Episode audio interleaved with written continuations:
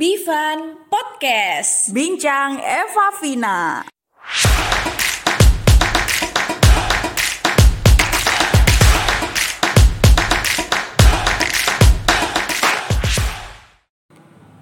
Assalamualaikum. Waalaikumsalam. ya, hari ini kita mau nge-podcast lagi. Iya, balik lagi sama Bivan Podcast. Yuhu. Kenapa sih bisik-bisik? Siapa yang mulai tadi di awal ya? Kita nggak pernah ada selalu briefing tuh nggak ada kalau buat intro kayak kita tuh ya udah ngembangin Ya sendiri-sendiri. Ha-ha. Otodidak. Iya. Oke, mau bahas apa Vin kita kali ini? Oke, mau bahas apa kakak Evaf? Kita akan bahas tentang uh, stereotype yang pernah kita dengar ya, yang Oh, pernah ah, kita ah. dengar. Stereotyping ya, judulnya adalah bodo amat sama burung yang berkicau. Ciao, ciao. Kan nanti ciao. juga ditulis, kenapa dibahas? Ya udah nggak apa-apa sih. kan biar bisa spoiler. Oke, kalau kamu pernah dengar stereotype apa sih? Banyak dong. Iya banyak sih. Namanya juga stereotyping. Iya. Salah satu aja kali ya. Aku Uh-uh. aku pernah dengar gini, stereotyping itu soal perempuan. Perempuan itu kalau misalkan udah kerja, kalau misalkan udah lulus itu nggak boleh kerja atau level kerjanya itu di atas lebih dari suaminya gitu nantinya gitu. Ini mungkin terlalu apa ya terlalu old school mindset tapi this is work. Ini bener-bener terjadi di realita kenyataannya kayak gitu. Meskipun nggak seberapa ya, tapi emang bener-bener ada gitu. Misalkan nggak semuanya sih ya, tapi ada yang memang kalau misalkan apalagi kita ya di circle orang Jawa di circle yang ada punya orientasi bahwasannya kita memegang teguh culture yang kita punya kayak gitu. Jadi kalau misalkan perempuan ya udah nurut aja nanti sama suami. Gak usah jauh-jauh di rumah aja gitu. Nanti kamu juga udah enak kok hidupnya kan kamu ikut suami kayak gitu uh, stereotyping yang melabel kadang yang kena justru kaum perempuan gitu. Jadi kaum perempuan yang punya high educated quote on quote kayak ngapain kamu punya pendidikan tinggi kerjanya mapan nanti kamu nggak laku gitu. Kamu harusnya di bawah underman gitu. Stereotype yang kayak gitu dan budaya patriarki kita yang masih mengakar kuat kalau menurut aku ya. Itu benar-benar apa ya membuat kita sebagai kaum perempuan kadang juga mikir oh iya ya aku perempuan ngapain juga aku harus mengejar pendidikan aku setinggi tingginya kayak gitu. Tapi ya harusnya ya kita kalau aku dari perspektif aku pribadi kalau misalkan ada stereotyping kayak gitu justru kita harus ngebuktiin gitu. Nggak perlu kalian ngebuktiin ke semua orang tapi cukup ngebuktiin ke diri kamu aja bahwasannya kita kaum perempuan itu tuh kita bisa buat selevel gitu. Karena ini bukan cuman masalah gender dan gimana gimana tapi ya karena emang kita tuh sama sama aja gitu both men and woman punya hak dan juga wewenang buat ngejal buat meraih dan nge-pursue mimpi-mimpi mereka gitu. Iya, iya bener aku setuju banget. Apalagi kadang tuh juga ada ya kalimat yang gini, perempuan tuh jangan terlalu pinter-pinter, kerjanya jangan terlalu tinggi-tinggi. Nanti nggak ada cowok yang berani deketin loh. Padahal ya, That's a big wrong. eh eh, dan kalau misalkan sampai ada, mohon maaf nih ya kaum Adam, kalau ada yang punya pikiran nggak berani atau eh, takut deketin cewek yang memang sangat pintar atau Alpha pekerjaan female. Heeh, atau punya pekerjaan yang sangat bagus itu menurut aku kurang tepat Iya benar. Jadi kalau perempuan punya title tinggi, berpendidikan tinggi gitu, justru mereka kaum kaum perempuan yang well educated itu bisa mendidik anaknya dengan baik, bisa membangun rumah tangga yang baik dan punya tata kelola rumah tangga yang baik juga gitu loh.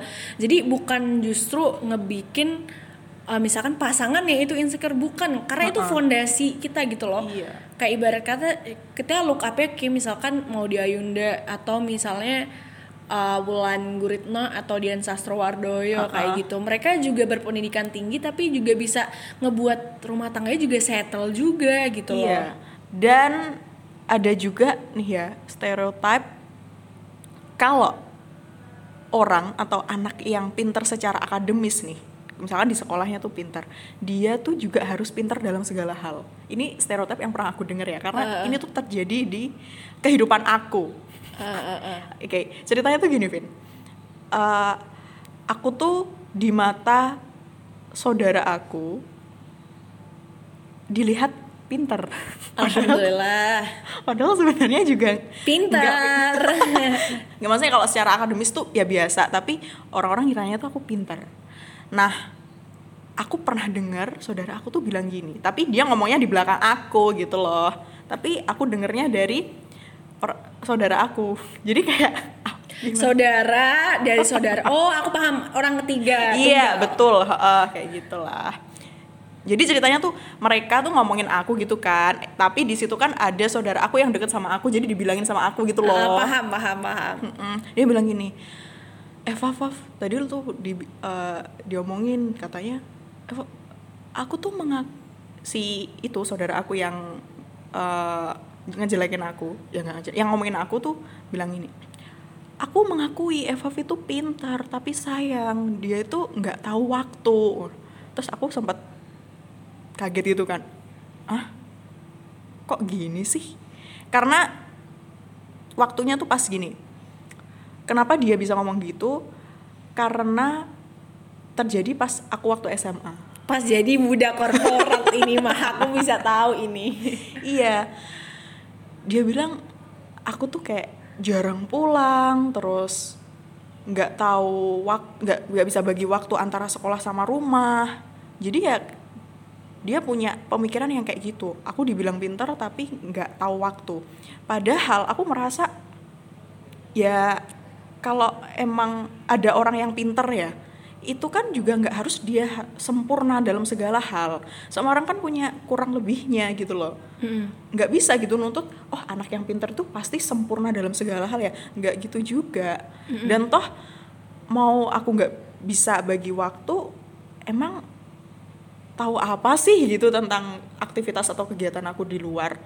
Orang orang rumah aku aja kayak orang tua aku aja tuh biasa aja Benar, kadang tuh keluarga juga, keluarga besar gitu ya biasanya kayak uh, mempunyai perspektif yang berbeda sama Iya. set of image yang kita miliki tentang apa yang kita lakuin gitu.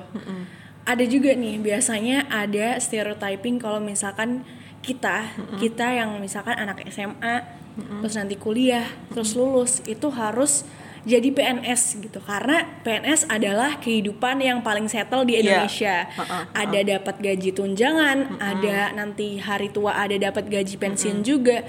Jadi ada stereotyping juga yang bahwasannya emang old school mindset juga sih kayak baby boomers, kaum kaum baby boomers yang mikir kalau ya udah nanti kamu lulus kuliah jadi PNS ya. Pada aku juga sering banget nih kalau misalkan ditanya ya, apalagi kalau pas lagi kumpul keluarga gitu ya, apalagi kalau lebaran gini katakanlah misalnya kayak Aduh. Vina, Vina jurusan apa ini Iya, kayak iya, keluarga iya. jauh gitu kan. Vina jurusan apa gitu. Tanya tuh, aku jawab hubungan internasional.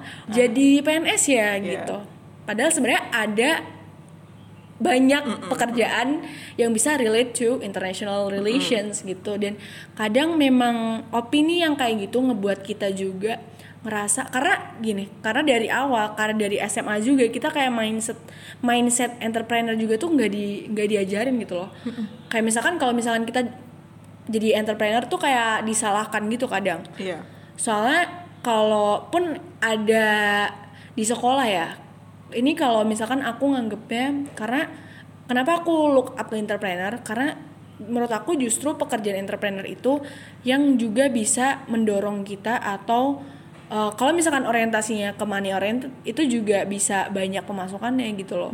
Jadi ada banyak juga pekerjaan. Contohnya kalau misalkan di SMA kita seringnya diajarin ataupun kayak di set buat jadi researcher, buat jadi ilmuwan, Bu- bukan ilmuwan maksudnya kayak penstudi gitu loh, kayak kita harus belajar belajar, tapi kita jarang prakteknya gitu.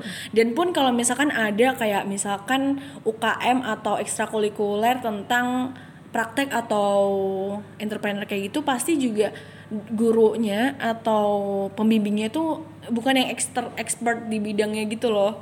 Jadinya ya ya udah kita so-so dan orientasi kita juga nggak mengarah ke hal-hal di luar itu gitu. Ada objek lain yang harus kita kejar padahal seharusnya. Jadi ya kadang kayak gitu juga. Terus aku juga pernah denger nih pernah denger di podcastnya kalau kalian denger podcastnya ternak uang hmm. itu ada segmen episode 20 under 20s hmm. itu ada salah satu narasumbernya itu semuanya narasumbernya itu di bawah 18 tahun eh 8 di bawah 20 tahun hmm. sorry itu tuh semuanya ya punya udah punya apa ya pemasukan income sendiri either itu dari investasi dari mereka entrepreneur dari mereka usaha dan ada satu kata-kata yang aku dari salah satu narasumbernya yang jujur bikin aku kayak ngerasa oh momen banget. Kayak ngerasa wow ini anaknya di bawah aku umurnya hmm. tapi udah punya mindset yang kayak gini. Dia bilang gini kalau misalkan kita tuh di, di sekolah di SMA kita tuh nggak diajarin buat jadi mindset entrepreneur gitu.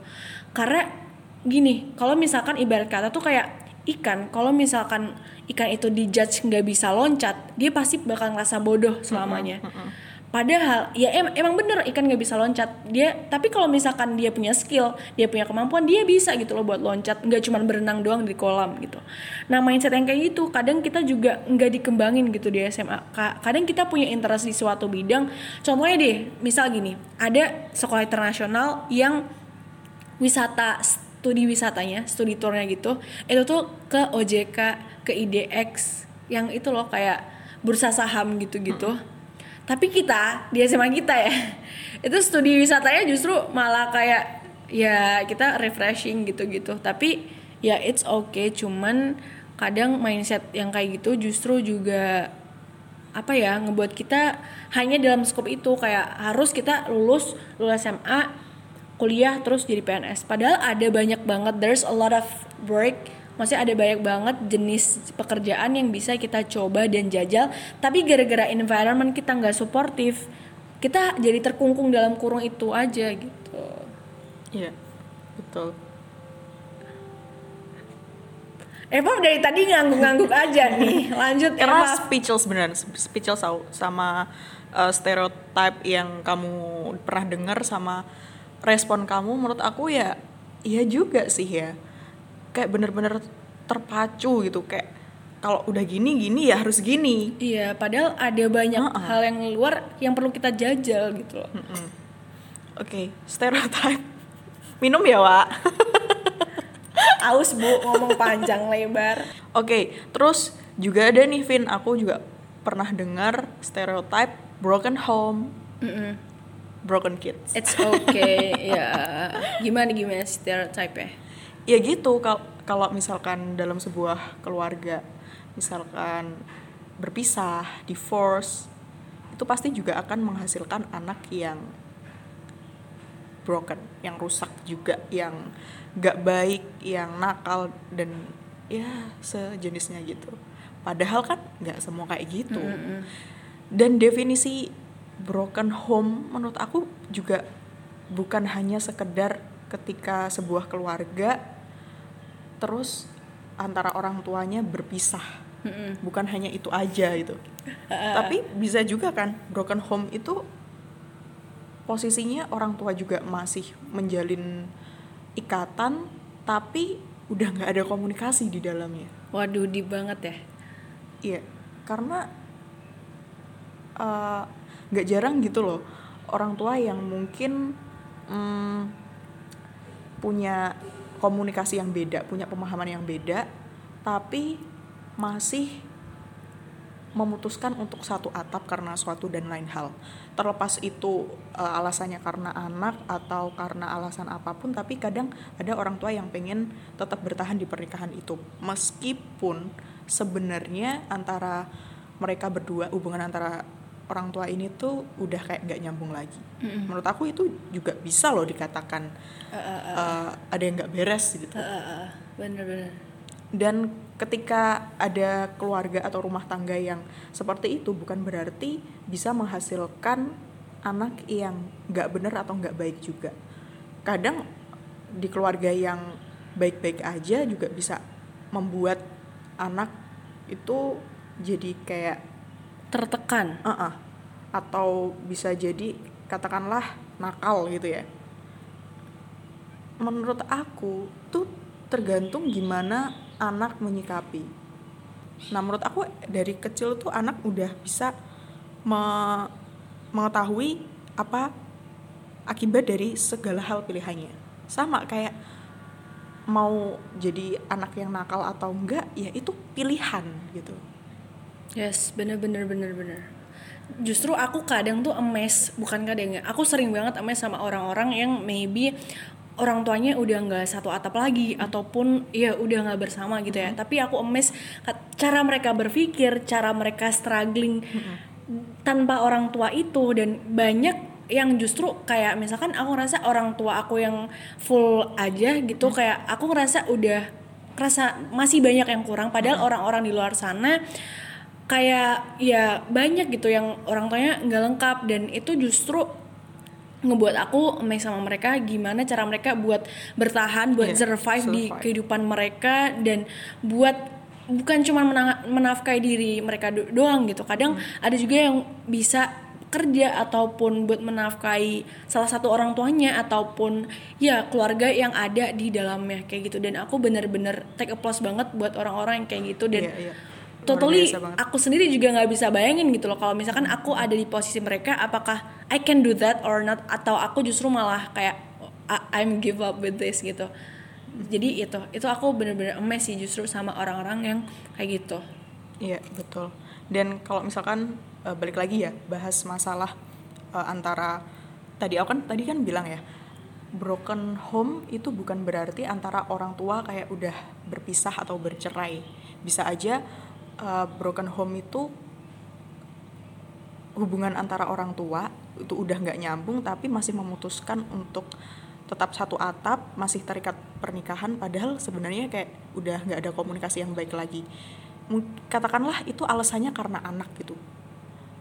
Emang sih itu alasan yang baik bisa aja. Tapi kalau aku sendiri itu bukan alasan yang tepat.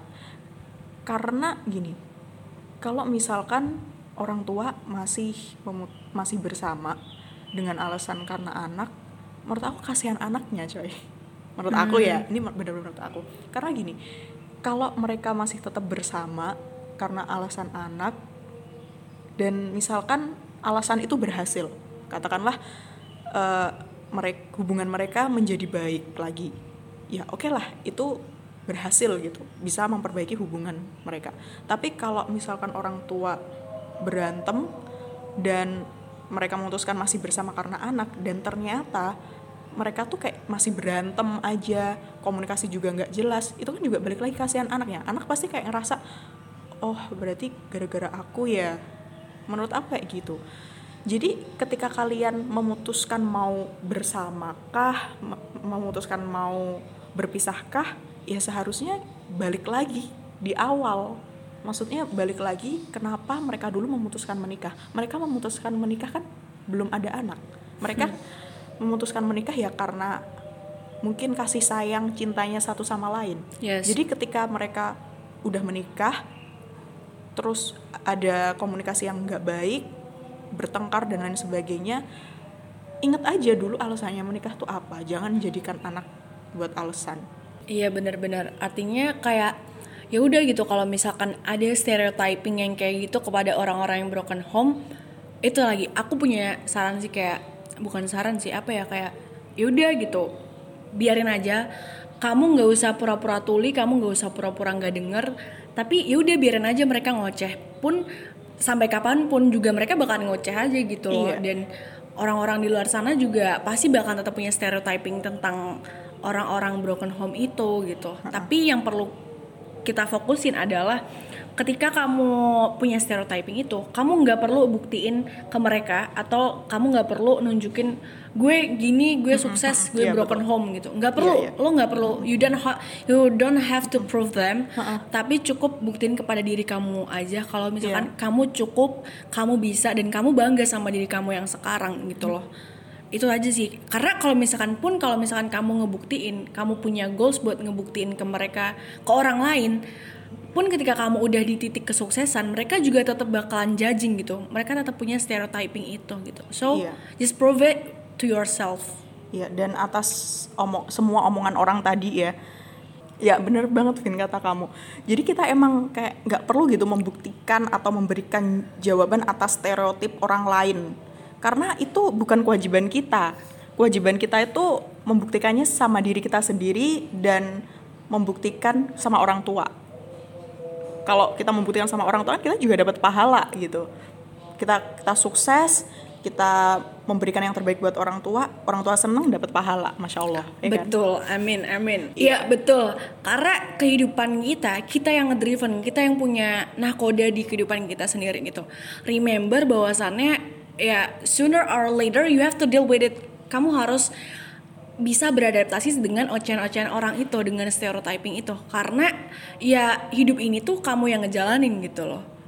Kamu yang bisa berprogres kamu yang bisa memimpin jalannya kehidupan ini gitu so yeah just just do what you want to do. Just gonna be yes. yourself. Don't care about everything that mengicau di telinga kalian. Nggak usah pura-pura tuli itu tadi. Udah mm-hmm. biarin aja. Let it flow aja. Buktiin ke diri kamu sendiri kalau you can do it. Dan atas semua stereotip yang udah kita bahas dari awal sama sampai sekarang ini ya, sampai tadi terakhir itu ya Vin ya. Kayak bohong banget kalau kita nggak mikirin, kita nggak peduliin, pastilah kita kepikiran, pasti kita ngerasa baper, tapi ya udahlah itu urusan mereka, kita nggak bisa ngontrol omongan dan juga pikiran orang lain, tapi kita bisa mengontrol pikiran dan gimana kita bertindak itu aja sih. Iya betul. Ada satu quote juga yang hmm. aku suka banget. Hmm. Itu dari bukunya Hemin Sunim kalau nggak salah, if I'm not mistaken. Huh? Judulnya, judulnya The Things you can only see when you stay calm down kalau nggak mm -hmm. salah itu judulnya ada salah Berarti satu frase ya. Yeah. ya ada salah satu frase yang bilang kalau gini nggak apa-apa banget kalau orang lain itu ngomongin soal kamu. Nggak apa-apa banget. Itu bukan karena kamu yang salah atau kamu yang benar. Itu bukan poinnya bukan salah benar tapi karena emang set of image mereka tentang apa yang kamu lakuin itu tuh berbeda gitu. Dan it's totally normal kalau misalkan itu berbeda. Karena setiap orang punya titik poin atau titik tolak terkait apa yang seharusnya mereka tangkap dari orang lain gitu apa yang seharusnya mereka lihat dan ibarat kata tuh kayak gini kalau misalkan ya ada air sama lumpur kalau misalkan kamu makin aduk air sama lumpurnya hmm. itu makin bercampur makin keruh hmm. tapi kalau misalnya kamu biarin semalam atau dua hari gitu ya kamu bisa ambil airnya itu perlahan karena lumpurnya udah ngendep yeah. di iya. bawah dan kamu bisa ambil airnya buat kamu misalkan mau buat rebus atau misalkan buat apalagi nyiram tanaman ataupun apa pun itu. Jadi intinya adalah ya udah biarin. Jangan kamu aduk semakin aduk justru kamu diemin aja kamu tenangin nanti lama-lama juga bisa kamu pisah kamu ambil baiknya. Iya betul. Gitu uh -huh. analoginya. Iya betul. Setuju banget aku. Dan akhirnya udah panjang lebar kita berpodcast. Marilah kita tutup podcast dengan doa kafaratul majelis. Divan Podcast. See you on the next episode, listeners. Yay! Prok prok prok prok prok prok.